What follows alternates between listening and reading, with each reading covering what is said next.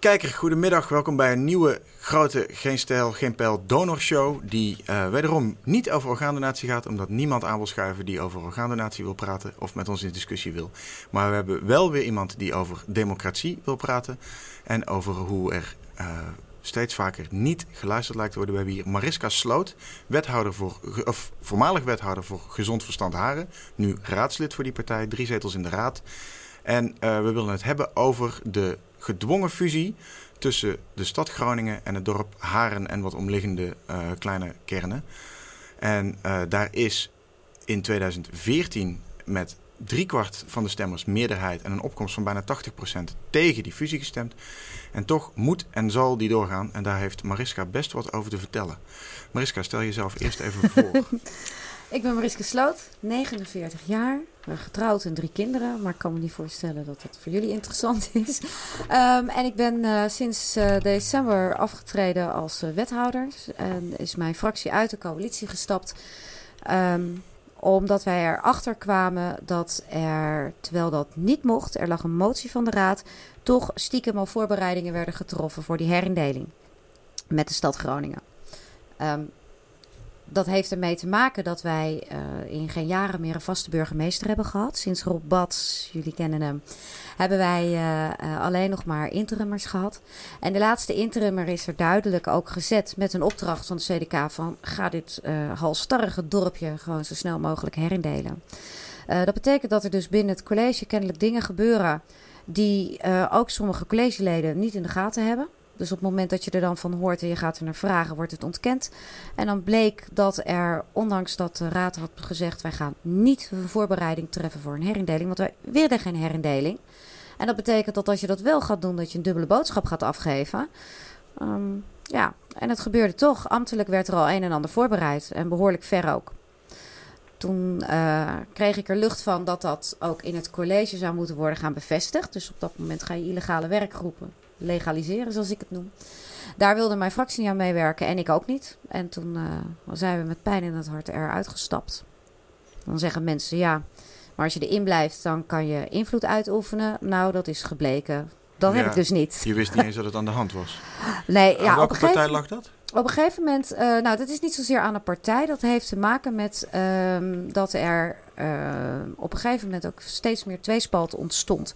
Je moet je voorstellen, op het moment dat jij een gedwongen herindeling wordt ingeduwd, dat de bevolking ook tegen elkaar wordt opgezet, maar ook binnen de ambtelijke organisatie. Um, op het moment dat je een gedwongen herindeling ingaat, dan zet de provincie de wet ARRI in. En dan mag je bijna niets meer zelf beslissen. Dat moet eerst voorgelegd worden aan de beoogd fusiepartners en de provincie. Voordat een beslissing van de raad of een college wordt goedgekeurd. Dat betekent ook dat het personeel heel erg in onzekerheid zit. Want je neemt niemand meer vast aan. Uh, mensen gaan andere banen zoeken.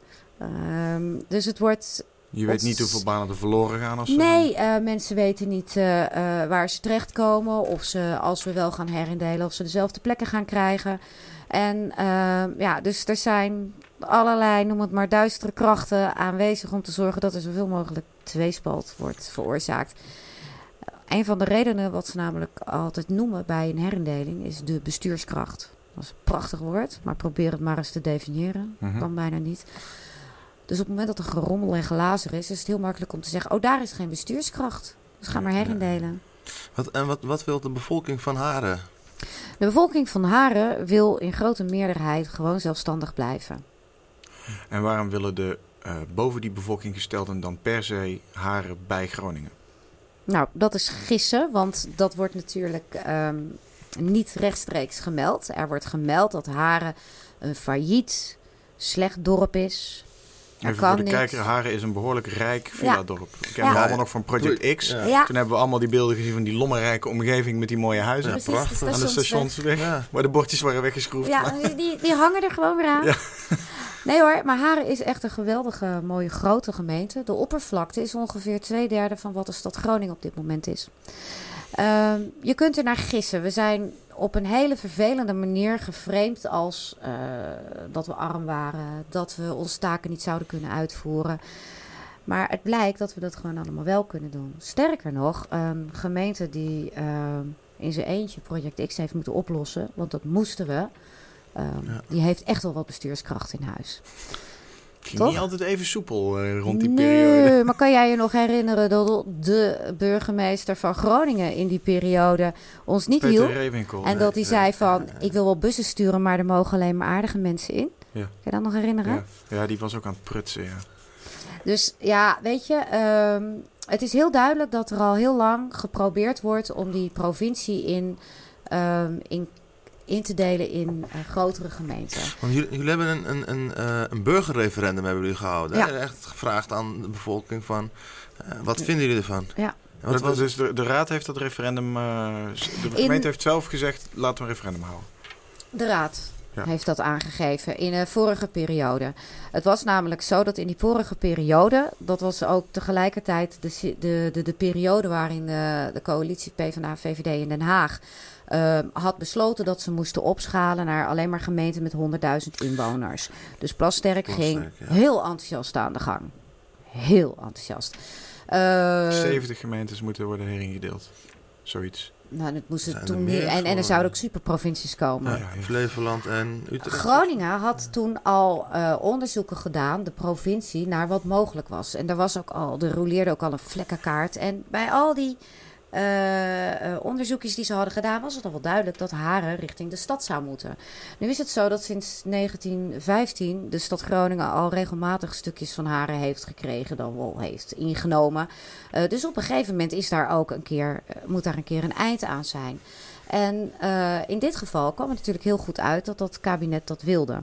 Er werd ook aangegeven in eerste instantie in 2013 van nou, die gemeentes nu die zijn te klein om die transitie van de zorg op zich te kunnen nemen, om die uit te kunnen gaan voeren. Hè? Dus je gaat eh, taken over de schutting flikkeren en vervolgens ga je zeggen, ja, dat kunnen jullie niet zelf, dus ga dan maar opschalen. Ja. Nu is het zo dat juist in dit soort gemeenten van, als van 20.000 inwoners zoals Haren en eh, waar het relatief goed gaat, dat die taken dus heel goed kunnen worden uitgevoerd. Dat die transitie is fantastisch gegaan. Eh, wij kunnen die taken uitvoeren, zowel op het gebied van de participatiewet als de WMO-wet. Jeugdzorg kan niemand alleen, maar goed, dat kan zelfs Groningen en Amsterdam niet in een eentje, want die zitten allemaal met grote tekorten. Dus dan kun je niet zeggen, ja, Harry, jij kan het niet alleen en daarom moet je maar herindelen. Dus dat was allemaal goed gegaan. En vervolgens eh, begon de raad, de toenmalige raad, ook van ja, nou dan moeten we maar gaan herindelen. Eh, een aantal partijen vonden dat te prematuur, want niemand had het in zijn verkiezingsprogramma eh, st- eh, hebben staan tussen ti- 2010 en 2014. En toen is er aangegeven van dan gaan wij een, dan gaan wij een burgerraadpleging houden, gelijktijdig met gemeenteraadsverkiezingen. En daarbij zijn 75% van de kiezers, eh, dit willen wij niet. En de vraag opkomst- was heel opkomst duidelijk. van 78. Wat zeg je? Bij een opkomst van 78. Bijna 78. Ja, en, er werd, en de vraagstelling was ook: bent u voor of tegen het voorlopig besluit om herin te delen met de stad Groningen? Er zit geen enkele ruimte tussen. Nee.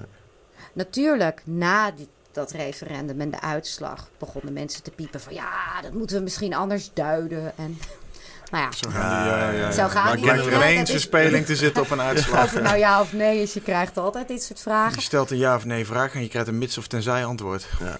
Waar kennen we dat van? Ook weer van? Ja, maar ja, het, is, eh, het is wat dat betreft dus bijna één op één. Alleen bij ons wat kleinschaliger. Maar ik kon je zeggen, hè, eh, WMO of eh, zorg wordt erbij gehaald, de transitie, Ja. jeugdzorg wordt erbij gehaald. Maar wat is dan de werkelijke reden dat, dat Groningen of dat Haren en, en, en het andere, andere gemeente was Ten Boer? Ten Boer geannexeerd moeten worden door Nou, Ten Boer wil het Groningen? graag. Ten Boer heeft in de afgelopen jaren zelfs artikelgemeente geweest. en die hebben Ja. Altijd vol de laatste, ik denk 15 jaar volgens het Ten Boer, gewerkt. Dat wilde zeggen dat de ambtelijke organisatie gewoon door Groningen werd gedaan. Dus al het ambtelijke werk werd door Groningen gedaan. Dus voor hen was het ook wel logisch. Zij zijn een aardbevingsgemeente. Zij eh, eh, naar Delfzijl en daarmee herindelen eh, was eigenlijk niet aan de orde. Want ze deden al alles samen met Groningen. Dus zij willen het ook gewoon. Dat is prima. En zij waren ook al bezig met de voorbereidingen. Totdat eh, de provincie. ehm, de provincie had besloten dat eh, die herindelingen door moesten gaan. En toen kwam er een nieuw college in de provincie, want ze kregen verkiezingen. En er waren een paar partijen die zeiden: wij zijn tegen gedwongen herindeling. En die wonnen. Die wonnen. CDA, Ja, SP. En die wonnen, dus die zaten in het college. En dat hebben ze nog een tijdje volgehouden. En van het een op het andere moment er werd ook gezegd, we gaan niet dwingen. Maar uh, van het een op het andere moment, toen wij hadden besloten van nou, we hebben nou alles uitgezocht. We hebben verkenning gedaan met die Naarlo Drentse buurgemeente. Die waren nog niet toe aan herindelen, maar willen wel ambtelijk met ons samenwerken. Nou, dat is prima te doen. En, uh, en toen we zeiden, nou, dan kunnen wij dus gewoon zelfstandig blijven. Want we hebben alle onderzoeken. Het CULO zegt ook, uh, onze financiële situatie is niet dusdanig dat we daarvoor zouden moeten herindelen. En toen grepen ze in. Was er een defining moment waarop dat gebeurde? Weet je wat dat moment teweegbracht dat het van het een op het andere moment toch... Dat wij zeiden dat we zelfstandig wilden blijven. Dat was de trigger om toch te zeggen, ja. dat gaat niet gebeuren. En omdat Groningen en Ten Boer, die zaten al in die, in die voorbereidingen. Dus ze hebben ons ertussen geduwd. En, uh, ja, en vanaf dat moment moet je mee. Je moet een open overleg in en later een gedwongen overleg. Uh, dat wilden we niet, dus we hebben ook gezegd... Kom je dan uit je huis halen om... Uh... Nou ja, dat vond ik dus ook. Ik vind, je moet gewoon standvastig blijven. En als, je weet dat dit in de in Tweede en Eerste Kamer wordt besproken. Dus je moet gewoon een hele duidelijke boodschap afgeven. En dan moet je dus helemaal niet aan meewerken. En wat is, wat is de duidelijke boodschap waarom Haren niet. niet. bij Groningen wil? Ja. Wat is de reden dat Haren dit niet wil? Of wat Omdat zijn Haren uh, prima in staat is om het zelf te doen. En waarom zou je een oplossing zoeken voor iets wat geen probleem is. Ja, maar, ik bedoel, maar, okay, maar er is niks stuk. verzonnen. Ja, maar waar ben je bang voor als het wel gebeurt? Wat, wat, wat is het nadeel voor haren als je wel samengevoegd wordt? Uh, een heleboel problemen, uh, denk ik. En uh, die zie je ook bij andere herindelingen. Ten eerste is er nog nooit een herindeling bewezen dat die gemeente Schattenhemeltje Rijk heeft gemaakt. Dat het echt iets heeft opgelost. Haren is een gemeente waar de burgers heel betrokken zijn. Uh, gemiddeld vrij hoog opgeleid en zich ook overal mee bemoeien. En dat is leuk. Uh, maar die korte lijnen die ze nu hebben met het bestuur zijn er strakjes niet meer. Je moet over zeven schrijven, wil je een keer een wethouder in Groningen kunnen spreken.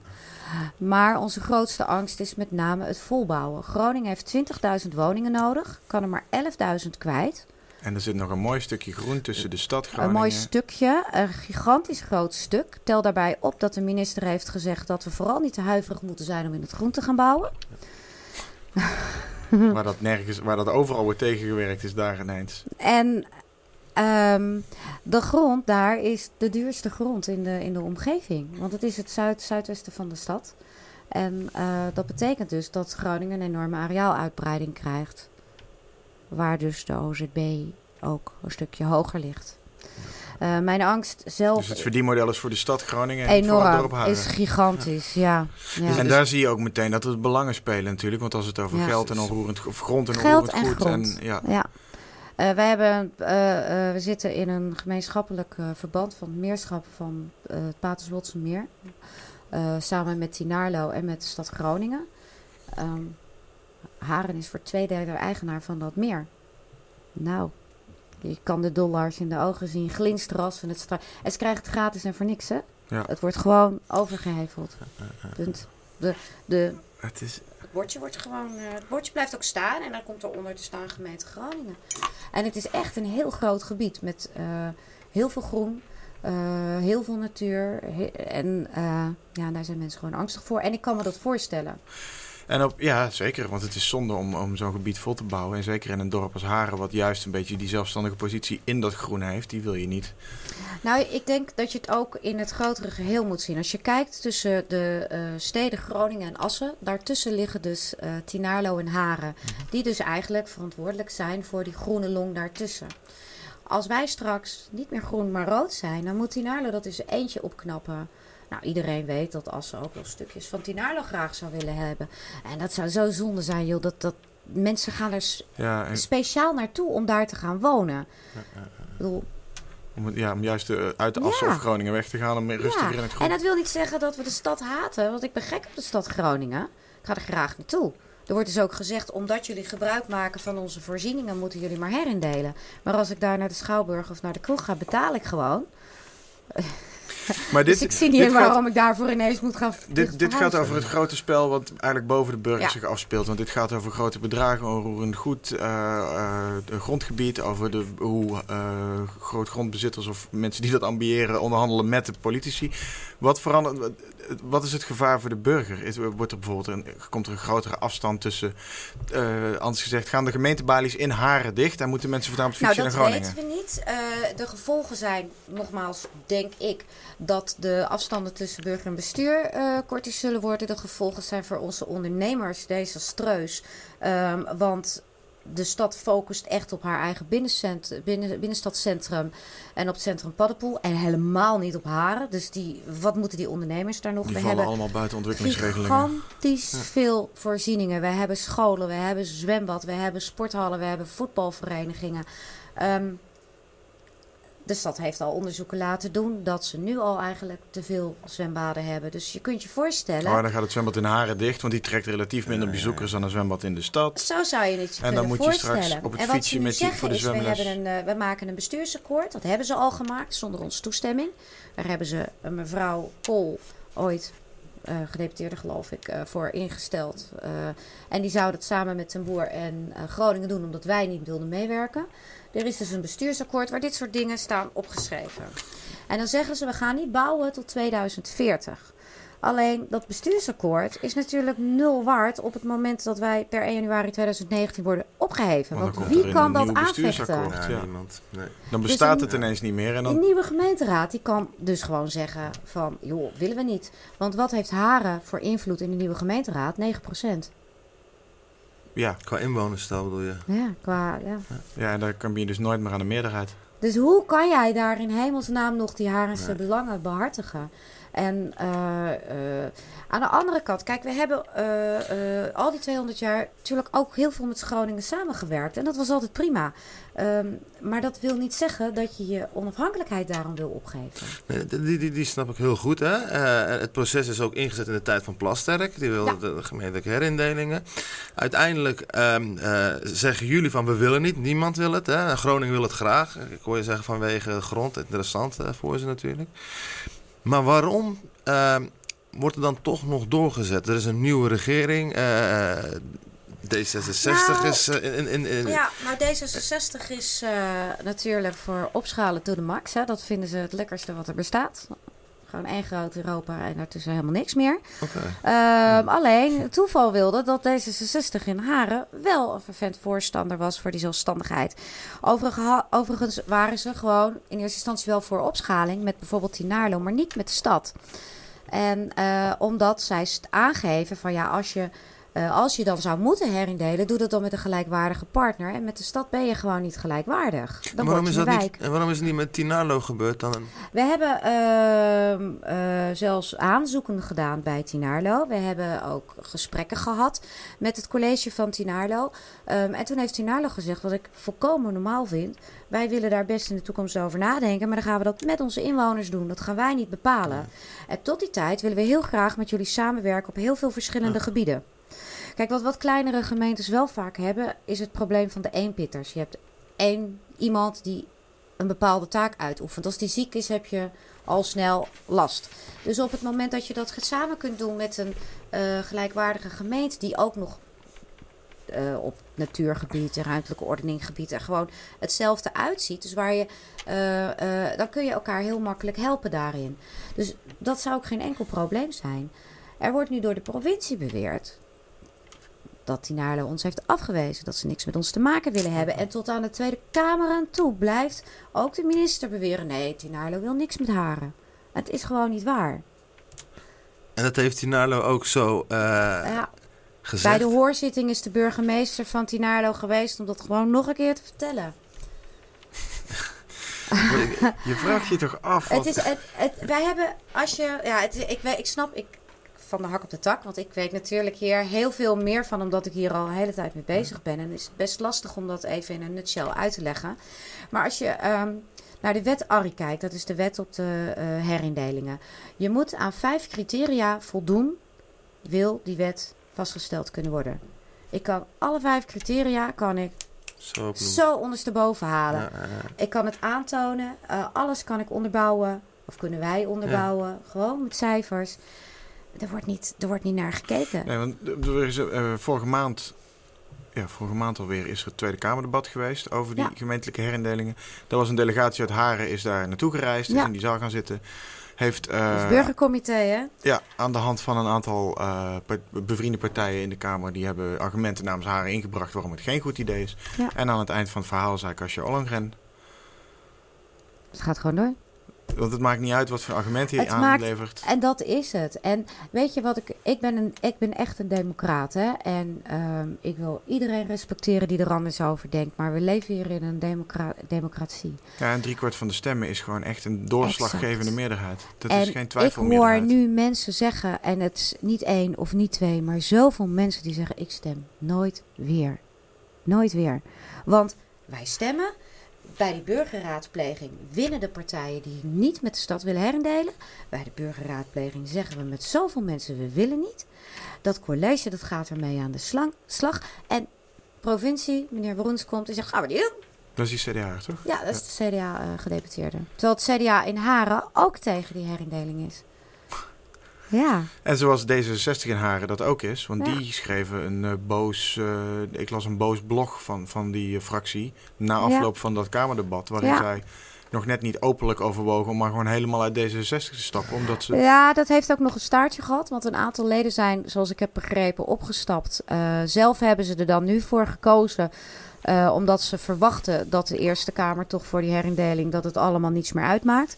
Dus ze hebben er nu wel om het CDA voor gekozen om nu volop op die voorbereidingen voor die herindeling te gaan. Want we worden heel erg bang gemaakt. Als we nou niet de ICT gaan regelen, als we nu niet zus gaat regelen, nou dan vallen we allemaal dood neer of zo. Maar dat is, ja, dit is echt heel bang. Verdwijnt dus zij zijn, zij zijn al, al uh, uh, zij hebben daar dus inmiddels wel voor gekozen, alhoewel ze tegen die herindeling blijven. Wij hebben gezegd van nou, uh, wij gaan gewoon door tot het gaatje, want die Eerste Kamer moet gewoon weten dat dit op basis van verkeerde argumenten is. En dan zeg ik het nog netjes, want het is gewoon op basis van domme leugens. En waar word je nou het meest geïrriteerd door als ze dan na het aanhoren van al die argumenten toch gewoon zeggen, nou bedankt voor je inbreng. Tot ziens. Nou, er zijn meerdere dingen. Het is het feit dat je uh, gewoon als volwassen inwoner met stemrecht niet serieus genomen wordt in dit land. Maar dat hebben we nu al een aantal keer bij uh, dingen gezien. En wat mij zelf heel erg raakt. En uh, ik denk dat het iedereen is die, die, die, die een beetje van zijn eigen gemeente houdt. Als je gemeente zo wordt zwart gemaakt, terwijl het gewoon niet waar is. Ja, daar, daarom, daarom vind ik deze, daarom hebben we je ook uitgenodigd. Omdat die Harense casus echt heel interessant is. Omdat het niet gaat over een nondescript onderbuikgevoel tegen een bepaalde partij of tegen een bestuursentiteit of van een boze burger tegen zijn gemeente of, de, of mhm. tegen de landelijke regering. Maar echt om een specifieke casus waarin de bevolking van een gemeente heel duidelijk gezegd heeft: dit willen we niet. En daarbij argumenten, onderbouwing heeft, uh, uh, in, in, uh, in argumenten gegronde vrezen ook voor wat er gebeurt als er wel een, ja. een herindeling komt. En dat er dan nog steeds, dat het, het, lijkt gewoon niet uit te maken wat je zegt, wat Klopt. je doet. We zagen dit ook met die dividenddebatdiscussie laatst. Ja. Is ook een goed voorbeeld van waarin er in een debat uh, wel vanuit bepaalde linkse overtuigingen voornamelijk tegen die afschaffing van die dividendbelasting werd gepleit. Maar het was ook iets wat op voorhand nergens was voorgenomen, nergens was omschreven, in niemands programma stond. En ineens was het daar, blijkt de totstandkoming ook nog op leugens gebaseerd, werd er gelogen over, de, over hoe die totstandkoming überhaupt tot stand was gekomen. En aan het einde van de rit is iedereen het ermee eens en iedereen baalt. En dan komt die stemming.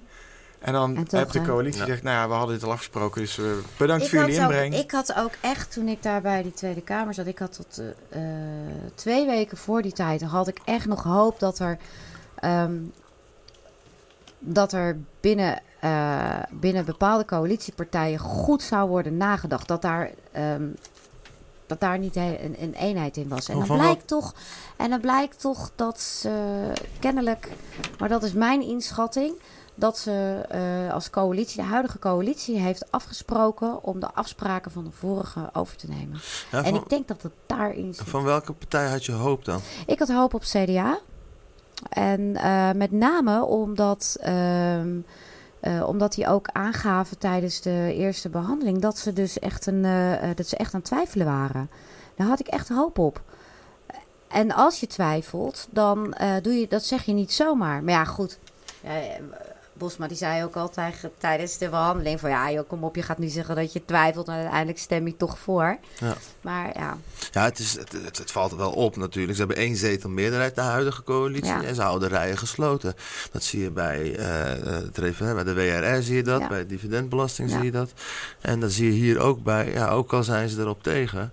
Eh, ze houden de rij gesloten, afspraak lijkt afspraak. En, en de fractiediscipline die wint, die wint weer. Ja, wij noemen dat fractiedoctrine thuis. Dus, uh.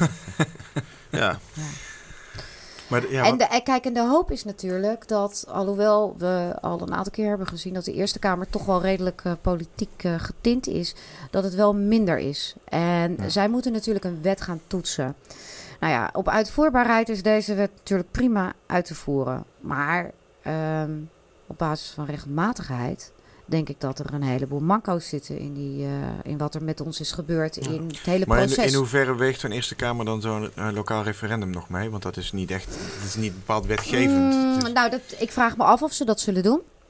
Ik, vraag, ik, ik vraag het me echt af of ze dat zullen meewegen. Volgens mij gaan zij echt kijken naar wat uh, is deze wet rechtmatig. En dan moeten er echt um, hiccups zijn in, in het proces. Nou, die zijn er. Ja.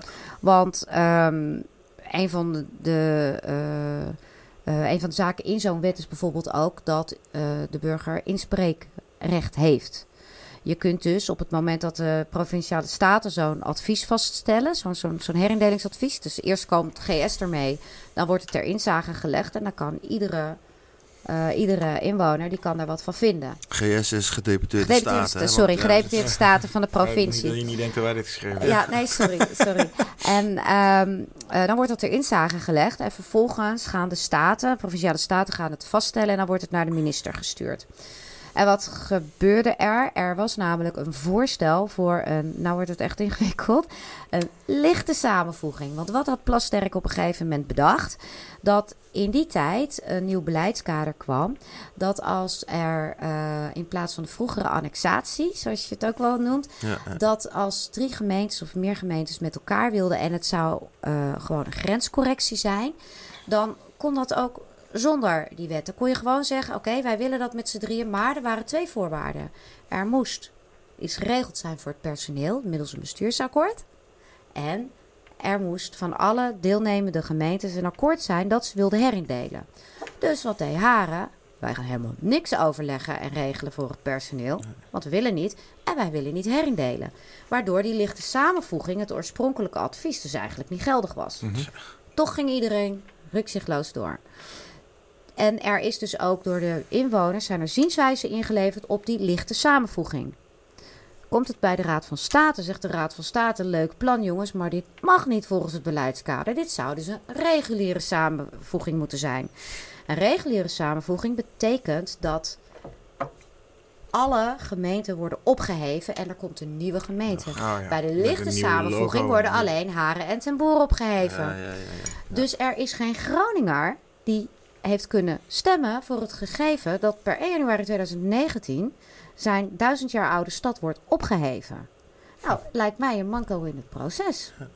Want ze zijn gewoon verder gegaan. Ja. Als, ik, als, ik, als ik dit zo hoor, hè, dan denk ik gewoon aan een reorganisatie van een bedrijf. ja. ja, we hebben te maken met, met politiek, met, met burgers. We, zijn, we hebben niet te maken met een bedrijf die winst moet maken of uh, iets dergelijks. Je moet dienen, dienen exact. het volk dienen. Exact. En een, een gemeente is de, de laagste, uh, nou ja, misschien de waterschappen, maar in ieder geval um, de gemeente is uh, voor, voor de burger het meest directe overheidsorgaan. Mm -hmm. Uh, en, en ook de, de, de uh, en als je dat dan zomaar opheft, uh, waarvan de bevolking zegt van nou, wij willen dit niet, wij willen niet samen met een andere gemeente, wij willen niet geannexeerd worden, want dat is het in principe. Haren is veel kleiner dan Groningen. En dat je dan zo regentesk zegt van nee, wij, wij hebben bepaald dat het gaat gebeuren, dan gaat het ook gebeuren. Je ziet in dit verhaal zie je alleen maar uh, politieke afspraken, uh, uh, grafieken, balansen, spreadsheets. spreadsheets maar geen... Uh, die ook nog eens niet kloppen. Ja. Dat is het grappige. Die ook nog eens met terug, die vanuit de conclusie teruggewerkt uh, sluitend worden gemaakt. Hm. En, maar er zit dus nergens inderdaad precies die beleving dat mensen in hun eigen dorp wonen, daar een eigen gevoel bij hebben, om, om een reden daar zijn gaan wonen of, of zijn geboren en gebleven. En, Dat, eh, dat, en dat zie je en al die dingen wegvallen. Dat zie je ook, de, dan heb ik toch een haakje naar die donorwet. Ja, eh, Pia Dijkstra heeft met deze wet een soort eindoplossing bedacht om aan voldoende donorregistraties te komen. Dus niet per se aan voldoende donoren, maar aan voldoende registraties. En daar, dat hebben ze gewoon gedaan door een spreadsheet te pakken van nou we hebben er zoveel per jaar tekort en je hebt er zoveel nodig om dat op te lossen. Nou, dan doen we dit en dan heb je dat probleem. Maar er wordt onderweg nergens stilgestaan bij de emotie. Die, we merken dat nu ook in het initiatief, dat het een heel lastig onderwerp is om eh, tot leven te brengen. Klopt. Misschien een beetje een lullige metafoor. nee, maar nee, nee, juist omdat, het, omdat het over het nadenken over de dood gaat en omdat het juist zo gevoelig en emotioneel ligt. En mensen, hoewel de vraag enerzijds heel makkelijk is, wil je wel of niet eh, dat de overheid namens iedereen kan, eh, actief kan beslissen om jou als donor te registreren als je niks laat horen. Eh, eh, willen toch mensen niet dieper nadenken over die implicaties van oké, maar wat gebeurt er als mij iets overkomt en of als mijn kinderen iets overkomt of, en wie gaat dat dan regelen? Ja. Dat is toch net een stap die gaat net, die doe je niet even tussen, tussen eh, het avondeten en GTS-thee, bij wijze van spreken. Nee, en volgens mij is het ook eh, leeftijdsfase gerelateerd. Want ik weet nog dat ik volgens mij, mijn, mijn, mijn huidige man en ik, ik denk dat wij 20 of 21 waren. En toen kwam er inderdaad ook een, een brief of er was een programma. En toen wilden we het er met elkaar over hebben. En wij waren helemaal nog niet, eh, tenminste hij, eh, niks. Daar wilde hij het helemaal niet over Nee. hebben. Over dat hij ooit eens dood kon zijn. En ehm, ik had al vanaf mijn twaalfde dus dat, dat zo'n speldje en zo'n kaartje in mijn portemonnee. Maar dat was, want ik vond het speldje zo leuk. Met kling. ja. Ik had, dat was al vanaf mijn twaalfde donor. Maar toen, eh, toen later kwam dat je je eh, ook echt kon gaan registreren. Was toen gewoon nog met brieven. Er was volgens mij nog nauwelijks internet. En eh, toen hebben wij dat bewust ook niet gedaan. Gewoon niet. Want we waren er nog niet aan toe om die keuze te maken. Ik vind ook dat je dat moet respecteren. En ik vind het idioot dat iemand, dat de overheid dan kan bepalen voor mij. Terwijl ik er misschien niet aan toe ben op dat moment. Ja, dat is het. Ik, ik, ik kan daar. Ik, maar dat is dat ik eigenlijk heb ik dat met alles wat top-down. eh, Je moet, het, Ja. je moet het recht hebben om niet te kiezen. Eh, en dat is, een- dat is een soort heel droog grondrecht, grondrecht op privacy. Dat geeft jou het recht om niet te kiezen. En dat betekent dat jij dus niet gedwongen hoeft te worden om over die emotionele zaken na te denken. Ja. Als jij daar geen behoefte aan hebt of geen. eh, dat maakt je niet tot een onmens of zo, of tot een onwillige. of Nee, tot een, nee, ja, ik lees, ik lees natuurlijk ook eh, veel wat hierover geschreven wordt. En ik, en ik vind dat mensen toch wel heel ver gaan in het ehm, wegzetten van mensen die wel bijvoorbeeld donor zijn, maar eh, tegen deze wet op deze wijze. Het is in feite hetzelfde als wat in de tijd, eh, want dat vond ik wel heel goed aan Lubach in de tijd met de eh, sleepwet. We willen allemaal dat er iets geregeld wordt, maar de wet aan zich klopt gewoon niet. Ja. Dus Ja. dat moet je wijzigen. Dat- Dus het, het is niet zo dat degene die zich nu niet op deze manier eh, verplicht willen laten registreren of juist niet. eh, eh, daar gaat het niet om. Iedereen is best wel in staat om die keuze te maken. En de mensen die dat niet zijn, die kunnen we helpen op een bepaalde manier. Maar het gaat om ja, of dat het... nudgen in plaats van dwingen. Precies. En dat is, het, dat, dat, dat is inderdaad... Elke vijf jaar moet je je ID-kaart eh, eh, Verversen. verversen. Oh, Elke tien jaar je paspoort. Je, elke keer kom je bij die gemeente. Of Is- het nou in het gemeentehuis is van Haren of in Groningen. maar je komt daar. Dan kunnen ze mij toch elke keer gewoon vragen. Je bent het nog niet of nou goed. Je, je, je ziet ook in, eh, in Spanje, hè, waar eh, gewoon een bizar hoog percentage registraties zijn, Ja. is dat eh, daar de wet alleen niet voldoende is. Er is eh, eh, communicatie, bewustwording, educatie is daar gewoon belangrijk. Als je vanaf eh, jongs af aan op school meekrijgt van het belang van orgaandonatie, Ja. dan word je er al vanaf jongs af aan bewust van. En dan komt er op een gegeven moment een moment dat je die keuze moet maken. En eh, dat zien we hier niet. We hebben al die jaren hebben we dat ook niet gezien. eh. Nee, ja, dat is precies. Het, het, het- lijkt wel, want ik las, daar, ik las daar ook iets over. Hè? Eh, Wat, was dat nou? In dat jaar werd erom gevraagd, dat jaar, dat jaar. Dan Ja. moeten we nu niet gaan zeuren. Zoiets las ik op Ja. Twitter. Ja, ja. En toen dacht ik, een, dat is onzin. Want het is altijd, op het moment dat dat gebeurde, was het gewoon alleen maar zenden vanuit die overheid. Het is niet als een, gezamenlijk Het is nooit in een gesprek. overleg. Het is nee. nooit in een Nee. discussie of zo uh, is het meegenomen. Nee, we zijn altijd angstig geweest omdat wij hier ook een grote christelijke meerderheid in dit land hebben. En die tegen uh, orgaandonatie uh, zijn. Is er nooit uh, educatie op, op scholen of iets dergelijks ervan gekomen. en nu is er een wet, een wet aangenomen met één stem meerderheid. Want dat, dat is wat ik ook blijf herhalen. Hij is met één stem meerderheid ja. aangenomen. Maar straks, stel straks komt een christelijke partij aan de macht. De CDA wordt de grootste. Eerste wet die gaat sneuvelen is deze wet. Die wordt ingetrokken. Dan kan D66 wel zeggen, nee, gaat niet gebeuren. Nou, we hebben het wel gezien met de wet raadgevend referendum... die ze zelf hebben ingetrokken, die ze zelf ingediend hebben... en Ja. ook nu zelf Ja, ja, aan het intrekken zijn. Dus ik, om, ook vanuit diep uh, perspectief kan je zeggen... van als je draagvlak wil creëren voor deze wet... Stel die vraag aan de bevolking. Stel 65% van de bevolking zegt van het is een hartstikke goede wet. En dan creëer je toch ook draag. Want dan, dan wil ik zien welke eerste partij of welke partij die wet dan gaat intrekken. Dat, daar kan ik weer een boogje terug naar Haren maken. Onder welke voorwaarden uh, in een, laten we zeggen, collectief bewustwordingsproces, om het dan maar een beetje in ambtelijke termen te houden, zou een fusie met, met Groningen wel denkbaar kunnen zijn? Op wat voor manier zou een gemeente uh, en zouden de inwoners uh, nou, aan de hand genomen kunnen worden op een manier waarmee ze wel naar een bevredigend, eind, bevredigend nee, eindresultaat. Dat kan, nu kan dat niet meer. Dan zou dat hypothetisch moeten zijn en dan moet je kijken naar. Uh, als, okay, als ze dat vanaf het begin van dit traject zo hadden ingestoken. Van laten Ik we... denk dat dat alleen had gekund op het moment dat je duidelijk kunt aangeven wat de voordelen zijn die men in Haren. Uh, zou gaan ondervinden als ze bij de stad zouden horen. En dan geen postervoordelen, maar echte en. Het punt is dat ze die niet kunnen leveren. Uh, er is honderdduizend keer gevraagd van kom nou met je lijstjes. Vertel nou, wat gaan we eraan vooruit? Wat gaan we erop voor achteruit? Wat, hoe ga je ons beter bedienen dan dat we nu uh, bediend worden? En natuurlijk heeft dat er ook mee te maken dat ze het niet kunnen. Want het gaat gewoon goed in Haren. Dus je kunt niet aangeven dat Slecht. maar uh, uh, wat je op een gegeven moment wel had kunnen doen. En dat wilden ze ook niet tijdens dat open overleg. Want we kwamen in dat gedwongen open overleg terecht. Dat is een beetje raar, maar dat is wel zo. En uh, toen werd er gezegd, weet je, pff, we gaan met elkaar praten. En eh, dan komt er een verhaal uit. En ondertussen mochten wij naar aanleiding van een desastreus rapport over hoe wij op het randje van faillissement zouden verkeren, mochten wij ons eigen rapport maken, hoe wij het zagen, de toekomst van Haren. Uh, dat hebben wij met uh, inwoners gedaan, ambtenaren gedaan, de raad, het college, ondernemers, uh, maatschappelijke ondernemingen. Wij hadden het binnen een maand klaar. provincie was te laat, dus we moesten het nog maar een maand opschuiven. En de provincie had beloofd dat we die twee tegen elkaar mochten afzetten. En dan moesten wij als raad, of dan mocht de raad, gaan bepalen wat zij het beste achten voor hun inwoners. Dat was gewoon toegezegd door de provincie. Vervolgens, uh, ons plan, Beter Haren, zoals we dat dan noemden, werd, uh, daar werd even door de provincie uh, even een bureautje bij gehaald dat het oorspronkelijke rapport had geschreven.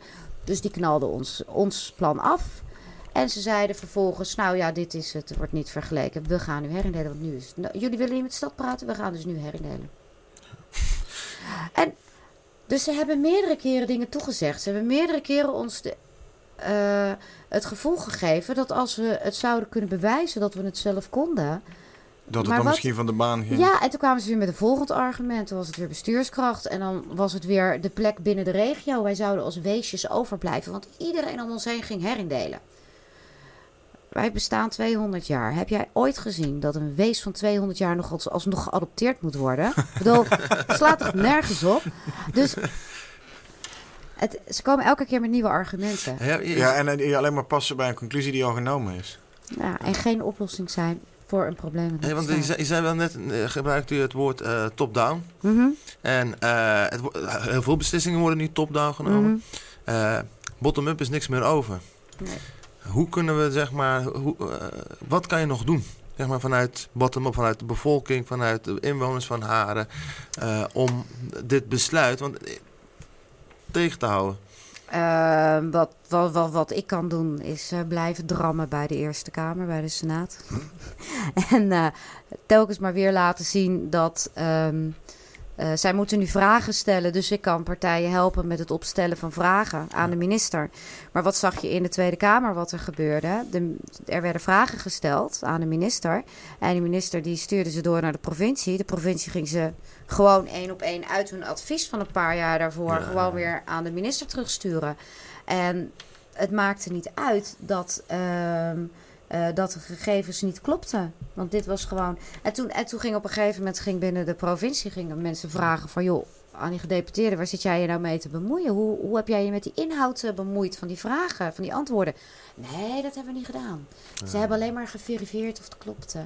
Ja, en het klopte gewoon niet. En ondertussen dan is die trein al aan het rijden. Ja. En iedereen hoopt dan. En hoe dichter Van, ja. die trein bij dat station komt, hoe, hoe, Ja. hoe duidelijker ze kunnen zeggen... ja, we kunnen nu niks meer doen. We zijn nu We bijna... zijn nu al zo lang onderweg. En dat was dus ook mijn angst op het moment dat je dus al met werkgroepen die hele herindeling gaat voorbereiden. En dat hoorde je Olongen ook zeggen. Ja, maar ze zijn nu al zover.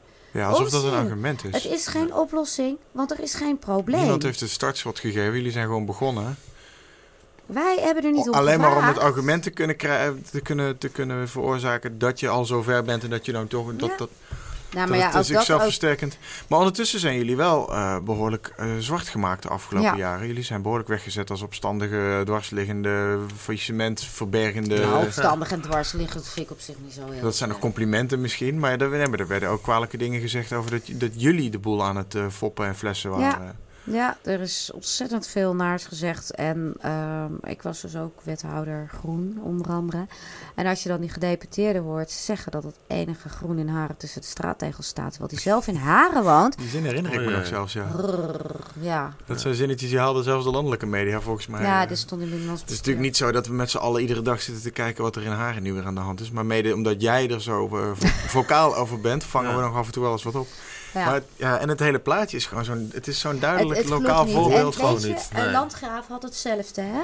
Ehm, alleen bij Landgraaf is, heeft de minister heeft het teruggetrokken, heeft het niet naar de Kamer gebracht. En nu zegt zij dus, Landgraaf is niet te vergelijken met Haren, maar de provincie eh, Limburg die heeft ook echt ingezet op één oplossing. Terwijl in de wet staat, alle oplossingen moeten zijn bekeken. Ja, Als het dan al nodig is, een herindeling, dan moet je wel meerdere oplossingen hebben bekeken. En in dat geval zou Tinaarlo een oplossing zijn geweest. Ehm, ja, dat is over de provinciegrens. En de Haren ziet natuurlijk, of Groningen ziet natuurlijk liever niet Haren Drenthe in eh, verdwijnen. Nou ja, je hebt... In, ja, dat zo kost bedoel ook weer je. geld. Want in, in- We zijn de kip met de gouden eieren. ja. ja, je kan ook de andere kant op. Hè. Bedoel, een stukje vanuit Drenthe naar Groningen. Want in Utrecht gebeurt het ook. Zuid-Holland, Utrecht. eh, is nu net ook, hè? Vijf die, die, herenlanden. zit, die zit dus nu ook eh, bij dezelfde... Vianen. Leerdam, eh, wat is Maar het? daar is het eh, proces. Ik, eh, er, is, er is ook een onderzoek geweest naar eh, al die herindelingen. En eh, daar heb ik toen ook aan meegewerkt. En dan bleek bijvoorbeeld dat de herindeling van Haarlemmerlieden. Nou, dat is echt een schoolvoorbeeld van hoe je mensen aan de hand neemt. En hoe je samen met je bevolking zo'n herindeling voorbereidt. Maar ik denk dat als het om Haren gaat, eh, die al. eh, Ken je Groningen een beetje? Ik bedoel, ik vraag Stad, het ja. Groningen stad. Eh, ken je Helpman, het zuiden van de stad? Waar ook de, eh, de gevangenis, de vermestdagkliniek zit. Oh, die ken ik. Ja, ja. Vroeger was vanaf dat stuk was Haren. Dus dat hebben ze ook al. Hebben ze ooit, eens, ooit eens geruild voor een tramlijn. Maar we hebben lang geen tram meer. We hebben alleen nog een tramhuisje. Dus weet je, die beloftes... ik zou ook niet te veel op rekenen. Maar dus in Haren is de algemene opinie ook van... Ja jongens, maar ze hebben al genoeg. En wij kunnen het zelf. Kappen nou. En eh, dus wij willen niet. Dus ik denk zelfs als je in, eh, in een voortraject... Dan had je wel moeten aangeven dat Haren dusdanig op omvallen stond. eh, en dat ook moeten kunnen aantonen Dat- had de bevolking willen meegaan. Maar wat gebeurde er toen dat, toen dat aan de orde kwam, dat zwart maken? Toen stond er buiten het burgercomité een ander comité op, dat noemen wij het comité van 1 miljoen. Die ging met een noodgang geld inzamelen voor als er eh, tekorten zouden komen. Want dan konden zij als een soort ambi-instelling konden ze het zwembad gewoon overnemen. Ja. Zo is Haren. Zo. En dan kan je zeggen, ja, het zijn alleen maar rijke. Het is niet waar, want er zitten natuurlijk ook eh, mensen met een uitkering. En er zitten ook mensen die het heel zwaar hebben. En er zitten ook mensen die niet meer kunnen werken of... eh, en gewoon het niet al te breed. We hebben ook een hoop sociale woningbouw. Alleen, wij hebben ervoor gezorgd in al die jaren dat dat evenwicht gewoon goed is. En dat we door de voorzieningen en eh, hoe wij met ons sociale domein omgaan, en dat, dat wij die mensen gewoon dat kunnen leveren waar ze, waar ze recht op hebben en wat ze verdienen. En dat, en dat kan omdat je zo kleinschalig bent. Ja, ja en dat, dat gaat En verloren. dat gaat verloren. Dat, Het kost dat- ook gemeenschapszin dus uiteindelijk. Ja, en wat dacht je? We hebben 20.000 inwoners en ik schat in dat er zo'n 6.000, 7.000 vrijwilligerswerk van doen. Eh, mantelzorgers heb je daaronder zitten. Maar op het moment dat jij ineens verplicht vrijwilligerswerk moet gaan doen voor een andere gemeente, vraag ik me af hoeveel mensen dat nog gaan doen. Dat is een heel ander soort binding. Hele andere bindingen. Zeker Hoe, in de eh, als je en- De en sfeer ten aanzien van dit onderwerp in één woord. De stemming in Haren. Dat mag ik niet zeggen van mama. En dan zit het ook nog eens, wat het ook nog interessant maakt, is dat dit hele, deze hele soap zich ook nog afspeelt in de provincie die de afgelopen jaren steeds eh, Moeilijk. eh, Ja. fysiek al ver weg ligt van Den Haag, maar in emotionele zin ook nog een veel steeds grotere afstand heeft gekregen door al Ja. die, die NAM-toestanden, gasboringtoestanden, dit niet gehoord. Je zag bij het sleepwet-referendum dat, eh, dat die opkomst in, eh, omdat er, dat, Er waren dat ging gepaard met eh, gemeenten. Nee, daar niet. In het noorden niet. Hè. Dat waren Oh, juist los. niet, nee, je, daar, in was, het daar noorden waren waren juist... juist heel veel mensen die tegen waren. Omdat wij eh, eh, geen, eh, heel veel hadden geen verkiezingen. Klopt. Eh, Ja. om, eh, En en, toen gingen die tegenstemmers bovengemiddeld. Maar daar, zit daar, daar Ja. zat daar ook, je proefde daar ook een onder. Want het was zo diep rood gekleurd daar. Dat het echt niet alleen maar het effect was Ah, van alleen ik tegenstemmers. weet had- niet of je het nieuws gisteren hebt gehoord. Maar het overleg met Wiebes is inmiddels ook weer Ja. geklapt. Ja. En ja. ehm, Terwijl de beloften zo mooi waren. Ik, eh, ik, ik wacht al anderhalf jaar op een afspraak met iemand eh, die de schade komt opnemen. In Haren. In Haren. Is in Haren ook aardbevingsschade? Nou, officieel zijn wij buitengebieden. En dan kan je schade hebben wat je wil, maar je bent buitengebied. Dus je hoort er niet bij. Ehm, en dan wordt er zeer, met zeer veel willekeur, wordt er wel of niet eh, aan schadevergoeding gedaan. Beeft het wel eens in Haren? Jazeker. Ja? Jazeker. Ik heb die grote. Mijn schade is nog van de Huizingenbeving. en we hebben, het ook, we hebben het ook meegemaakt. En we hebben ook epicentrum gehad. We hebben in, ik meen in 2009, hadden wij in Noordlaren, dus daar waar het Hunnebed is, want het enige Gronings een Hunnebed. Eh, ik, ik ken daar alleen Zuidlaren. Dat is Drenthe. Oh, dat is. Maar daar, daar hebben wij in een hele korte periode echt wel iets van 100 bevingjes van één op schaal van Richter gehad. Dan kun je zeggen dat is weinig. Maar Ja. in onze bodem, bij ons is het niet op een diepte van 10 kilometer, waar het normaal gesproken wordt gemeten, maar op 3 kilometer. En eh, het gaat niet zo, maar het gaat zo. Dus dat betekent, die bodem bij ons is gewoon echt helemaal naar de Filistijnen. Door. En dat is niet alleen in Groningen, maar dat loopt ook een beetje nu naar Friesland en ook naar Noord-Drenthe. Die hebben ook schades. En die hebben ook aardbevingen. Het is... Het, eh, maar toen mijn tante eh, studeerde, die studeerde antropologie in 63 en toen had haar docent, had haar, toen was net die, die gasbel ontdekt. Toen heeft haar docent haar al verteld van joh, dat gaat helemaal mis, want dat kan die aarde niet aan. Over 50 jaar gaan ze daar bij aardbevingen krijgen. Niemand die ernaar wilde luisteren. Ja, de- Maar je zit er wel mee. Ik heb wat van die oude artikelen kwam ik afgelopen jaar wel eens tegen toen het echt al heel hoog opliep. Ging daar ineens een hoop van rond over inter- op internet. En Ja. Zag je een paar van die hele early warnings al. Ja. eh, Ja. En inderdaad een beetje in een context van, nou ja, dat zei iemand toen wel, maar... Nou, kom op jongens, we zitten hier met z'n allen in Maar het dat- land. We is- gebruik, maken allemaal al jarenlang prettig gebruik van dat gas. Dus Dat- zullen we ook met z'n allen moeten zorgen dat er iets gaat gebeuren. Dan kun je Ja. niet zo'n provincie in zijn Nou, laten ja, ik denk dat je vooral ook een beetje daar ook weer met een boos oog richting Den Haag moet kijken. Die Ja. al, al die baten allemaal lekker opgebruikt hebben in de afgelopen jaren. En nooit iets voor een geen idee bewaard hebben om juist dit soort dingen En op te nieuwe lossen. of- afspraken ook weer niet openbaar willen maken. En ondertussen moeten alle huizen van het gas af, want we mogen het ook niet van oma Poetin importeren. Dat is ook weer fout gas. En, eh, Die van mij eh, is gebouwd zonder gas. Een Phoenix, ja. Dus Kan, het er zijn bij ons ook al eh, eh, gasloze woningen gebouwd. Ja. nou is er op zich niks met gasloos bouwen trouwens, dat wil ik niet per se afvallen. Nee, maar de manier waarop maar dat je nu je- ineens weer zo... ja. Die dividendbelasting hangt ook weer samen met. Heeft ook weer iets te maken met het dichtdraaien van die gaskranen. Die sfeertje hangt er. Ik, ik, dat kun je weer niet bewijzen. Maar Ja. die, dat wordt wel in de analyses geschreven. Ja, wacht, Shell krijgt deze bonus omdat ze ergens anders geld verliezen. Dus dan komt het elkaar weer ergens tegen. Maar dat zijn weer afspraken die, ja, waar de Groningers weer niks aan hebben. Maar dit soort, dit soort zaken, die zorgen er natuurlijk ook voor dat je, eh, dat je de complottheorieën die blijft voeden. en, en, Ja, en- en Die je- Groningers die zijn veel veel te lief. Precies. Die, die, die komen niet in opstand, joh. Ja, Maar wel weer achterdochtig. een fakkel, uh, Ja, fakkeloptocht hoe heet ze? van Ja, Ja, boze 5000 man. boeren die Ja, met... en eh, Beckerman van eh Ja, SP. van de SP. die eh, we hebben Wilma van Tongeren van GroenLinks. Die heeft zich hard gemaakt eh, eh, in de Tweede Kamer. Maar op de een of andere manier, op het moment dat eh, eh, die coalitie dus met zijn met zijn verhaal kwam. Eindelijk, het was voor het eerst Ja, dat er wat ja. over in stond. En dan is iedereen in Groningen dolgelukkig, want we krijgen nu een Wiebes en een Wiebes die komt en die gaat wel echt wat doen.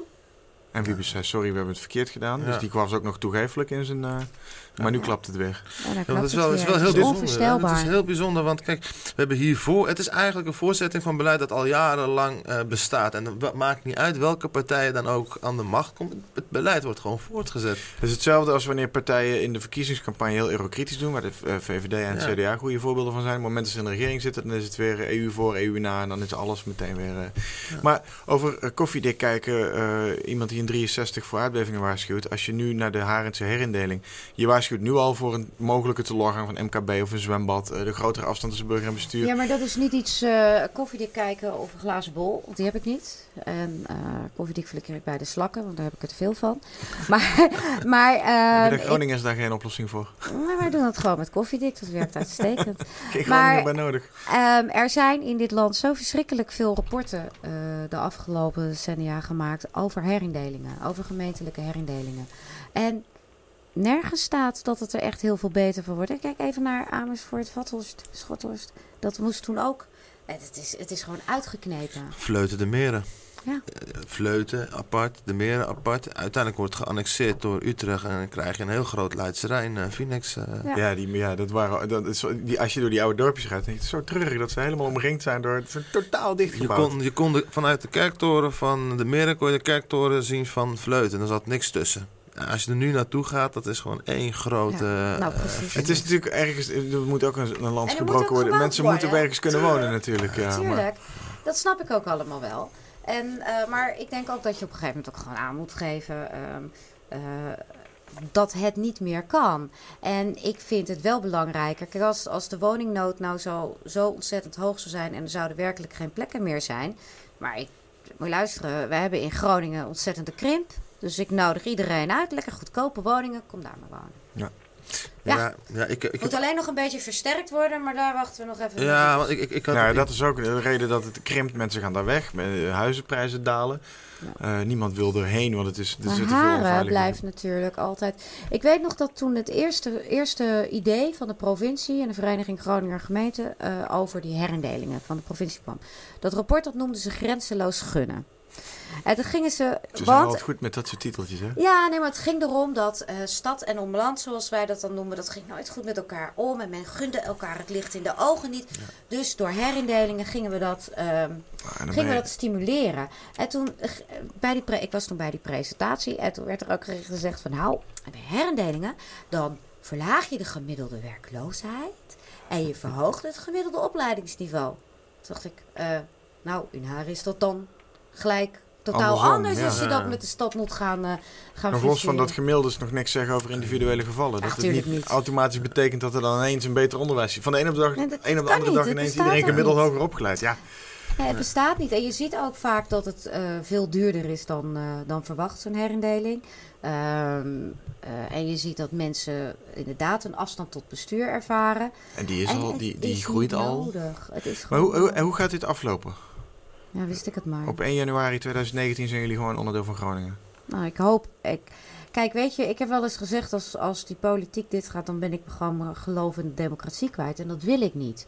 Eh, dat, wil, dat vertik ik gewoon. En omdat we nog gewoon moeten doorvechten, wil ik er ook niet aan hoeven denken. eh, of er al rekening mee houden dat het ook verkeerd afloopt. Want dan raak je je motivatie en je energie kwijt om ervoor te vechten. Ehm, eh, ons burgercomité is daar echt met, ik meen iets van 1500 mensen en achterban heel druk mee bezig. En ik ben het ook ver- ver- verkli- verplicht aan onze kiezers. Die verwachten dat wij doorvechten. Eh dat is ook de reden dat ik weer de raad in ben ja. gegaan. Ik bedoel, ze hebben niet voor mij gekozen dat ik thuis op wachtgeld ga zitten. Dat, dus ik ga weer de raad in om te kijken hoe ik vanuit dat platform dan nog iets kan doen. En ehm, Ja, dat is ook heel... Dat, dat, daar heb ik wat over. Dat is heel raar gelopen. Er is een stemming geweest of jij de raad in mocht. ah, toch, dat, was, dat was toch kolderiek? En achteraf bleek Het mag het fout. helemaal niet. Het mag Het helemaal niet. Jij stapte op als wethouder. Toen heb Ja. je even thuis gezeten. Ja. En toen zei je, ik ga wel weer de raad in. Dat gold voor jouw uh, Ja, mijn- fractiegenoten ook? Mijn fractiegenoten die... eh, Die zaten nog in de raad. Die zat in de raad. Eh, wij, wij zijn ooit met z'n tweeën begonnen. En vier jaar later zaten we er met z'n drie als tweede partij. Eh, toen werd ik wethouder. En eh, eh, eh, Esther die heeft altijd gezegd... de tweede termijn doe ik en daarna stop ik ermee. Want ze heeft ook nog een eigen bedrijf... en nog heel veel andere dingen in haar leven. Ehm, toen stapte ik uit het college en zij zat nog in de raad. Maar omdat wij door moeten tot november, want we zitten in de we hebben geen verkiezingen. Wij moeten door als raad, dus we zitten er ook veel langer. En toen heb ik gezegd van, nou weet je, als jij toch wil stoppen, dan moeten ze toch weer gaan kijken naar die lijst die in de tijd waarvoor is gekozen. Ik sta op nummer 1, ik ben beschikbaar, dus dan kan ik wel de raad in. En dat eh, hebben we toen gedaan. En dat eh, gaf voor haar gewoon een stuk rust, want dan kon ze zich ook met andere zaken bezighouden. Ja. Ja. Maar toen moest de, de, raad moest stemmen. Ja, nou, normaal gesproken is het zo dat als er een wethouder bedoeld moet worden, dan moet de raad daarvoor stemmen. Iemand die als raadslid is, die is door het volk gekozen. Hè? Ja. Die, die, die Ja. heeft gewoon, daarom kun je ook aan zetelroof doen. Het is jouw stem, het is jouw zetel. Verzon die burgemeester dat we moesten gaan stemmen. Dus eh, de stembriefjes gingen rond. En ik, ik zat daar op die tribune. Ik zeg, nou, dadelijk stemmen ze me weg. Ik zeg, volgens mij klopt het niet. Dus er stond eh, eh, iemand van de, D66 op. En die vroeg van, aan die burgemeester, die is toch voorzitter van de raad. Ja, maar dit klopt toch niet? Ze heeft toch... Dan moet u de wet maar lezen, werd er tegen haar gezegd door de burgemeester. Ja. En, kunnen dus we wij gingen de wet opmaken dat die lezen. burgemeester sowieso niet zo'n fan is van je? Ik denk dat hij me niet heel lief vindt. Een Nee, maar goed, dus eh, eh, uiteindelijk natuurlijk, ik kreeg één tegenstem. één. Eén tegenstem. Van hem? Oh nee, hij stemt niet Nee, mee. Nee, hij mag niet meestemmen. En eh, toen, eh, dus toen werd ik weer raadslid. En toen, eh, ja, en toen kwamen we er later natuurlijk achter. En dat wisten we ook wel. Er had helemaal niet over gestemd mogen worden. Dat was gewoon stomzinnig. Maar weet je ook wie tegengestemd Maar wel lekker dat je toch gewoon met, door iedereen Het wel... is, de stemming is geheim. Ja. Maar er is er nog één iemand die mij geen hand meer geeft. Dus dat, eh, ja. Misschien is die het. Ik weet het niet. De stemming is een van geheim. die 25% die wel eh, bij, eh, bij Groningen wil gevoegd worden. Ja, ik denk het wel. Ja. Hey, ehm, eh, nou ja, we, eh, god, dit klinkt als een enorme televisieafkondiging, maar we gaan het in de gaten houden. Ja, dat in de gaten houden. Wanneer eh, de, die wetsbehandeling in de Eerste Kamer komt er komende maand nog aan, wordt hopelijk voor het Ik reces verwacht nog... in juni. En eh, als het niet voor het reces... Want dit is ook zo idioot. Want dus je, eigenlijk is je laatste hoop, sorry dat ik onderbreek, laatste hoop is dat eh, de Eerste Kamer nog zegt van nou, dit gaan we zo niet doen. En dan moet dus iemand terug naar de tekentafel. Dan moet het terug naar de Tweede Kamer. En nou ja, in, in dat geval dan krijgen wij gewoon zelfstandige verkiezingen in november. Eh, is het zo dat de Eerste Kamer eh, niet voor 20 september een beslissing heeft genomen dat de wet gepubliceerd is, dan krijgen we ook zelfstandige verkiezingen. Dus ze hebben haast in de. Eh, dus ze hebben een beetje haast. En de mensen die vragen kunnen stellen, kunnen dat in drie ronden doen. En men verwacht toch wel dat het begin juli, eind juni toch wel behandeld zal worden. Net voor het zomerreces dus. Ja, dat verwacht ik. En, eh, maar goed, ik weet het niet. En ehm, ik, ik blijf gewoon het hopen dat ze daar dat een heel gezonde verstand invloed- gebruiken, jongens. Ik bedoel, je hebt feiten en je hebt eh, fictie. Ja. En de feiten, sorry, ik gooi dat ding bijna om. De feiten geven gewoon aan dat het nergens op slaat als je dit gaat doen. Dus, eh, Tot de laatste snik eh er tegenin. tuurlijk. Strijdbaar. Maar dat Heel doen we toch ook voor eh, het referendum, tot de laatste snik. Ja, ik herken het. Ja. En. Ja, ja, hier geldt, en eh, we moeten heel eerlijk eh, opmerken, ja, dat kan iedereen zien, we hebben de teller op hartvoordemocratie.nl gezet. Mhm. Die is eh, enigszins gestokt en het- we merken dat het echt heel moeilijk is om... Aan aandacht is geen gebrek geweest. We hebben best Nee. wel veel media gehad en die waren ook best open-minded erover. We, we zijn niet gegrild of met tegenwerking. Nee, helemaal In niet. tegenstelling tot met het Oekraïne-referendum, waar iedereen ons leek te haten, ook, ook in de media en in opinieland, krijgen we nu juist, eh, proef ik op zijn minst een neutrale houding. En soms zelfs ook gewoon eh, eh, echt steun wel. Maar toch, op een of andere manier lijkt het onderwerp toch niet helemaal te gaan vliegen. En dat heeft twee nadelige gevolgen. Het eerste is dat dit initiatief kan falen. Dat Ja. zou ik uiterst spijtig vinden, want ik vind dit zo'n goede wet voor een referendum. En dat zegt eigenlijk ook iedereen die ervoor is. En ik weet, ook, ik weet ook nog steeds zeker dat de potentie er is. Maar op een of andere manier wil het maar niet zo goed lukken om het knopje te vinden waarmee die, eh, laten we zeggen, engagement aangaat. Want het werkt pas als mensen het zelf willen. Niet omdat wij roepen dat we dit willen. Mensen moeten Nee. het ook echt zelf willen, anders komt het er niet. Kijk maar naar de wet Hille poging van eh, 50 plus. Daar waren gewoon te weinig geïnteresseerden voor. Dan komt er geen referendum. Uh, maar anderzijds, als wij dit niet halen, die 300.000, dan heeft Ollongren het beste argument wat ze zelf niet Exact, heeft kunnen bedenken. exact. Om te zeggen, zie je wel, niemand zit te wachten Ja. op een referendum. Ja. Mensen willen helemaal geen referendum. Want als je zelfs over dit belangrijke persoonlijke onderwerp, zoals jullie dat allemaal noemen, niet genoeg handtekeningen kan verzamelen om een referendum af te dwingen, dan zal er misschien toch niet zoveel behoefte zijn aan het middel. We zullen het snel voor jullie intrekken, dan zijn we er allemaal vanaf. Nou, Dat ik is- hoop dat van harte dat ze ongelijk krijgt. Ik heb eh, met de vorige keren, eh, wat je, het is nu wel makkelijk te zeggen, er zijn er meer dan 80.000 inmiddels binnen. Dus we moeten zorgen dat... Meer dan 90. Nu al 90, oké. Eh, nou, dan moeten iedereen nog drie mensen zien aan te brengen en dan zijn we er. Ehm, ik heb de vorige keer, heel simpel, ik heb de vorige keer gewoon gedaan met een, eh, ehm, een linkje. En iedereen in mijn WhatsApp eh, een link gestuurd. Gezegd, Ja, ja, nee, wil je Als je, nu, alsjeblieft als je nu tekent, krijg je automatisch een mailtje waarin staat bedankt voor je handtekening. Stuur deze oproep door. Want wij, en dan een klein pleidooi eronder van waarom mensen moeten tekenen. En ik merk ook wel aan de manier waarop. Want sommige, zeker wat oudere mensen die replyen dan wel eens verkeerd of zo. Dan krijg ik hem weer terug. Of ik krijg een forward waar de hele familie in zit. die- Nou, wat ik wel Maar- hoor van mensen is die hem getekend hebben, dat ze er echt heel. ehm, eh, dat ze het ook echt heel mooi vinden opgezet. Dus inderdaad, dat je gelijk door kan gaan Weet je wat het je irritante is? Ja, of het, en, het, eh, het, of, nou, irritante. Het, het eh, enigszins frustrerende is, is dat we dit echt. eh, enerzijds is het een gevoelig onderwerp, orgaandonatie. Mhm. Het is niet dat non-descripte EU-instituut waar je lekker tegenaan kan trappen. Dat, want daar is niemand door gekwetst als je dat doet. Vinden, er zijn mensen die vinden het niet leuk, maar je kwetst er niemand mee. Terwijl met dit orgaanonderwerp is dat natuurlijk, ligt dat wel heel snel op de loer. Ja. Als je daar een eh, persoonlijke strijd tegen P- Pia Dijkstra of Alexander Pechtold van maakt. Dat werkt niet, dat kan niet, willen we ook echt niet. Maar je merkt tegelijkertijd dat als je probeert op die inhoud van het onderwerp te gaan, over het belang van orgaandonatie, over het belang van nadenken over hoe wij dat willen regelen, over de grondrechten die daarmee gemoeid zijn, dat het dus ineens heel moeilijk wordt om mensen er ook echt over aan het denken te krijgen. En, eh, en mee aan, het, aan de slag te krijgen. En eh, dan valt een beetje op dat als je het populistisch kunt doen, zoals we deden met het Oekraïne-referendum, matrozenpetje op, draaiorgel erbij, samba-danseressen, een beetje lol maken, een beetje Ja. keten, een beetje trollen en, en plagen overal. Dat werkt en dan gaat het zichzelf een beetje Ja. versterken. En dat lijkt nu niet te werken. Eh, eh, en niet omdat de media het niet willen, want die, nogmaals, die, hebben, die, die staan allemaal heel behoorlijk open over. En ik ben al door al Jan en alle man gebeld en vaker op tv geweest dan me lief is. en misschien veel andere mensen ook lief is. En, eh, maar je ziet nu juist dat de politieke partijen zich terughoudend opstellen, omdat het weer juist een persoonlijk ding is. Ja. Ze kunnen er niet zo goed op, op cashen, politiek gezien. nee. Hooguit op het onderwerp referendum, maar dan is het, vinden ze misschien het onderwerp toch ook weer iets te gevoelig of te persoonlijk om zich daar. Ja, en dan merk je dat het toch, toch lastig wordt om het, om het in een onderstroom te krijgen waarmee het echt breed, eh, breed uitwaaiert. Maar goed, we hebben nog drie, ik bedoel, we moeten nog niet somberen, we hebben nog drieënhalve week, we zijn er nog niet. Maar, eh, en ik niet. geef het inderdaad niet op tot, tot, tot, eh, tot Nee hoor, 14 juni. doen. Ja. Want ehm, eh, eh, zo, moeilijk, i- eh, zo moeilijk is het niet. Je moet alleen mensen eh, gaan overhalen.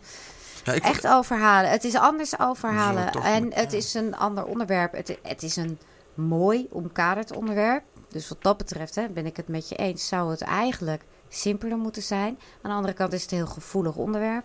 En, Ja, het eh, zet je tot nadenken. Daar hadden we het net ook over. En ik vond, Ja. ik, vond haar een helemaal goede tip. Ik vond Mariska een hele goede tip geven. Mensen, pak je telefoon, ga naar je contacten.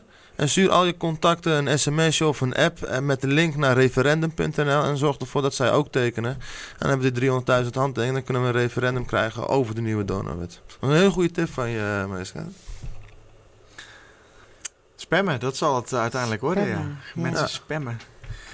Ja, ketting-sms, bestaat dat nog? Jawel, toch? Ja, dat, Nou ja, er zijn heel veel oudere mensen die tekenen. Die kennen de ouderwetse kettingbrief nog wel. Die... ja. die had ik ook doen. Nou, we gaan bellen, hè. Callcenter. In, eh, Eén voor één bellen. Maar ik moet je ook zeggen, als je, eh, ik doe dan de link hartverdemocratie.nl, die stuur ik, die stuur ik door. En ja, eh, daar staat wat meer informatie. is, is ook mooier, is om te zien, eh, om te krijgen. Eh, Ja. De naam is gewoon mooi. En eh, dan, dan klikken mensen denk ik ook vaker. Nou, weet ik ook wel dat ze bij mij denken van... oh shit, we hebben weer een app van Maris. En nou, we zullen wel weer voor een petitie voor zelfstandigheid eh, moeten stemmen. Ja, dat, Maar ze met- kijken wel. daar raak je wel ook een beetje aan. Er zit misschien ook een zekere eh, eh, referendummoeheid of zo. Zit er misschien ook nog wel ergens een beetje in van... ja, we hebben net die sleepwet gehad. We hebben dat hele ge- gemier over wel of niet afschaffen. Wat gaan we nou eigenlijk precies doen met dat ding? Maar misschien is het een ander soort moeheid. Misschien is het die politieke moeheid. Het is- zit wat ik je aangeef. Wat ik net ook aangeef. Dat mensen het toch... Joh, weet je, we kunnen zeggen wat we willen. Ze doen toch maar. Dat zie Ja, ik, dat zie ik, dat dat is precies de reden waarom ik het wel wil proberen. Want we konden natuurlijk ook afwachten tot de Eerste Kamer die intrekkingswet, raadgevend referendum, eh, daarmee instemt. Met misschien de voorwaarde dat die wel referendabel zou moeten zijn. Ik ga er niet vanuit dat dat gaat gebeuren. Ik vrees gewoon dat dat niet lukt. Daarom eh, wilde ik ook deze wet pakken om dan dit referendum te doen. En daarmee ook te laten zien dat het referendum als middel misschien eh, bewaard kan worden. Als je het wel goed gebruikt, als je die leercurve laat zien. Nou, als ze nou eerst haren doen, want die wet is ook referendabel. Maar, maar, Ja, wat, ik, nu. maar, wat, ik, Ja. maar wat ik wilde. Nu nog wel. Maar wat, ik, maar wat ik wilde ja. zeggen is dat, eh, dat je inderdaad eh, heel sterk ook een defetisme ziet. Dat zie ik ook op geen stijl Ja. in de comments en op Twitter bij veel mensen. Ik van ja, het heeft toch geen zin om te tekenen, want dan moeten we winnen. Die stembus kost een hoop geld en uiteindelijk zeggen ze toch eh, boeien, flikker op, we hebben hier geen zin in om naar te luisteren. En dat, en dat vind ik het allerergste, want de reden om het wel te doen is juist om, om, om ze niet daarop, om je niet daarop gewonnen te geven. Als je dat doet, dan, ja, dan wint echt het politieke cynisme. Van, nou, gelukkig, ze zijn eindelijk allemaal op de rug gaan liggen. We kunnen onze gang gaan. Nou, maar dat is dus ook waarom ik doorga. Dat is ook waarom ik vind dat ik nog geen rekening moet houden met een eventuele herindeling. Hoezo? De situatie is dat we zelfstandig zijn. Dat kunnen wij. Prima. Ja. Verder geen gezeik. Ik, ik, maar ik vind het wel heel verdrietig als ik. eh, weet je dat VVD was van oudsher echt een liberale VVD-gemeente. Heel veel VVD-stemmers. Haren, ja. Die zijn, zijn, zijn gewoon, die zijn echt heel erg boos en teleurgesteld in hun club. Die ze zo. Die zijn Ja. al samen met eh, eh, eh, die- die- van de oppositie, zijn al partijen in Haren, die zijn al samen, zijn al gefuseerd met partijen in de stad. Ja, ik vind het echt bi- bizar. Zo, ja. Terwijl er in andere gemeenten zijn er bij de laatste verkiezingen ook partijen geweest die bijvoorbeeld zich, die PvdA waren, maar zich ineens anders gingen noemen omdat Ja, ze die ja, ja, ja. associatie kwijt wilden. Maar, maar ja, weet je, ik denk dat er maar één. Ik bedoel, en dat is toch ook wat je aan je kinderen en kleinkinderen wil meegeven. Dat je niet gewoon niet het kopje erbij neer gaat eh, laten hangen. Als de wedstrijd nog niet afgelopen is, dan ga je toch niet van het veld af. Ik, Ja, vind, maar- het, ik vind het soms wel erg genoeg dat het, dat het uitgerekend een bloggers geen stijl is dat zoiets dan op moet pakken. Ja, of ja. degene is die het oppakt. Wij bloggen ook liever over tieten schieten en helikopters, maar eh, Ja. je ziet ook dingen omvallen waarvan je denkt van ja, maar die kunnen we misschien nog best overeind houden als we met een paar man een beetje ons best doen. ja, maar je hebt als, als blog natuurlijk wel altijd al eh, de, de politieke discussie eh, hoog gehouden. Ja, maar ook, En, ook bij die achterban die altijd eerst een soort strijdbare, strijdbaar chagrijn had, ja. zie je nu ook een soort cynisch, cynisch Ja. defetisme. Ja. Van ah, flikker er Ja. maar op. Ja. En als ze willen dat wij ons allemaal zo, eh, zo onderbuikerig en, en machteloos en bozig voelen, nou dan gaan we ons ook gewoon zo gedragen. Dat is wat je ziet gebeuren. Mensen worden alleen maar chagrijniger, narriger, onverschilliger in hun uitingen. En dan denk ik van, ah, je vond me toch al een lul, je vertrouwt me toch al niet. Nou, dan zal ik het waarmaken ook wat jouw beeld van mij is. En dan ga ik alleen maar botschoppen en cynisch doen. En eh, ja, dat- Ja, en, en daar worden we dus uiteindelijk allemaal slechter van. Dat is het ook. Want je leert, eh, eh, als kind heb je geleerd over die democratie. Hè? En als je 18 bent, dan mag je stemmen en dan heb je invloed. Je hebt ook geleerd dat je niet mag jokken. Toch? Tenminste, heb dat ik gaat geleerd. niet samen, hè? Politiek. En, dan, en moet je eens kijken wat er gebeurt. Dus je stemt op iets en je wint. En vervolgens gaat een ander er met die winst vandoor. Zo kan ik het maar het best omschrijven. En ze doen ook nog niet eens wat je zegt, want ze jokken er gewoon over. Ik vind eigenlijk van een. Ja, en als je beklag doet, dan doen ze of jij Als jij bent. als overheid eigenlijk een voordat- soort ouderschap zou moeten zijn, dan zouden ze uiteindelijk een macht ontzetten. Voordat wij nu zelf ook in, eh, in cynische comments gaan Ja, praten. nee, nee, nee. nee, nee. Wordt het denk ik eens tijd om er een eind aan te, aan te breien. Ja. Want de zon schijnt buiten nog steeds. Haren is nog steeds zelfstandig. Ja hoor, Alles is nog en ik niet ga er gewoon vanuit dat Die- dat eh Die blijft. teller zo. loopt nog een paar weken, dus die 300 kan gewoon Nice. gehaald Ja. worden. Dus laten we, laten we in ieder geval met een eh, positief gevoel uitgaan. Absoluut. En mensen, zoals ik net ook al zei, pak je telefoon, oh, ga naar je contacten en stuur ze allemaal een sms, een app, een, een, een DM, ik weet het niet. Doe het en zorg ervoor dat ze allemaal tekenen. Gewoon doen. Jij enorm bedankt voor je komst uit het verre, verre, verre Nee, helemaal niet ver. Het is net zo ver als eh, dat ik naar Volgende jullie keer, volgende keer eh, bij jou thuis, Project X. eh, Heel gezellig. Ja hoor. Project X samenvoeging. Ja, nee, gemeente. Ja, project- pro- Nou, X als solo. we zelfstandig mogen Zelfstandig. blijven, dan eh, hebben we een feestje. Ja, dan halen we Ja. de bordjes Dan mag jij het, dan mag jij het op geen stijl zetten. iedereen welkom. Project, Nou, X, Project X solo gemeente. Bedankt voor je komst. dankjewel. Graag gedaan. I like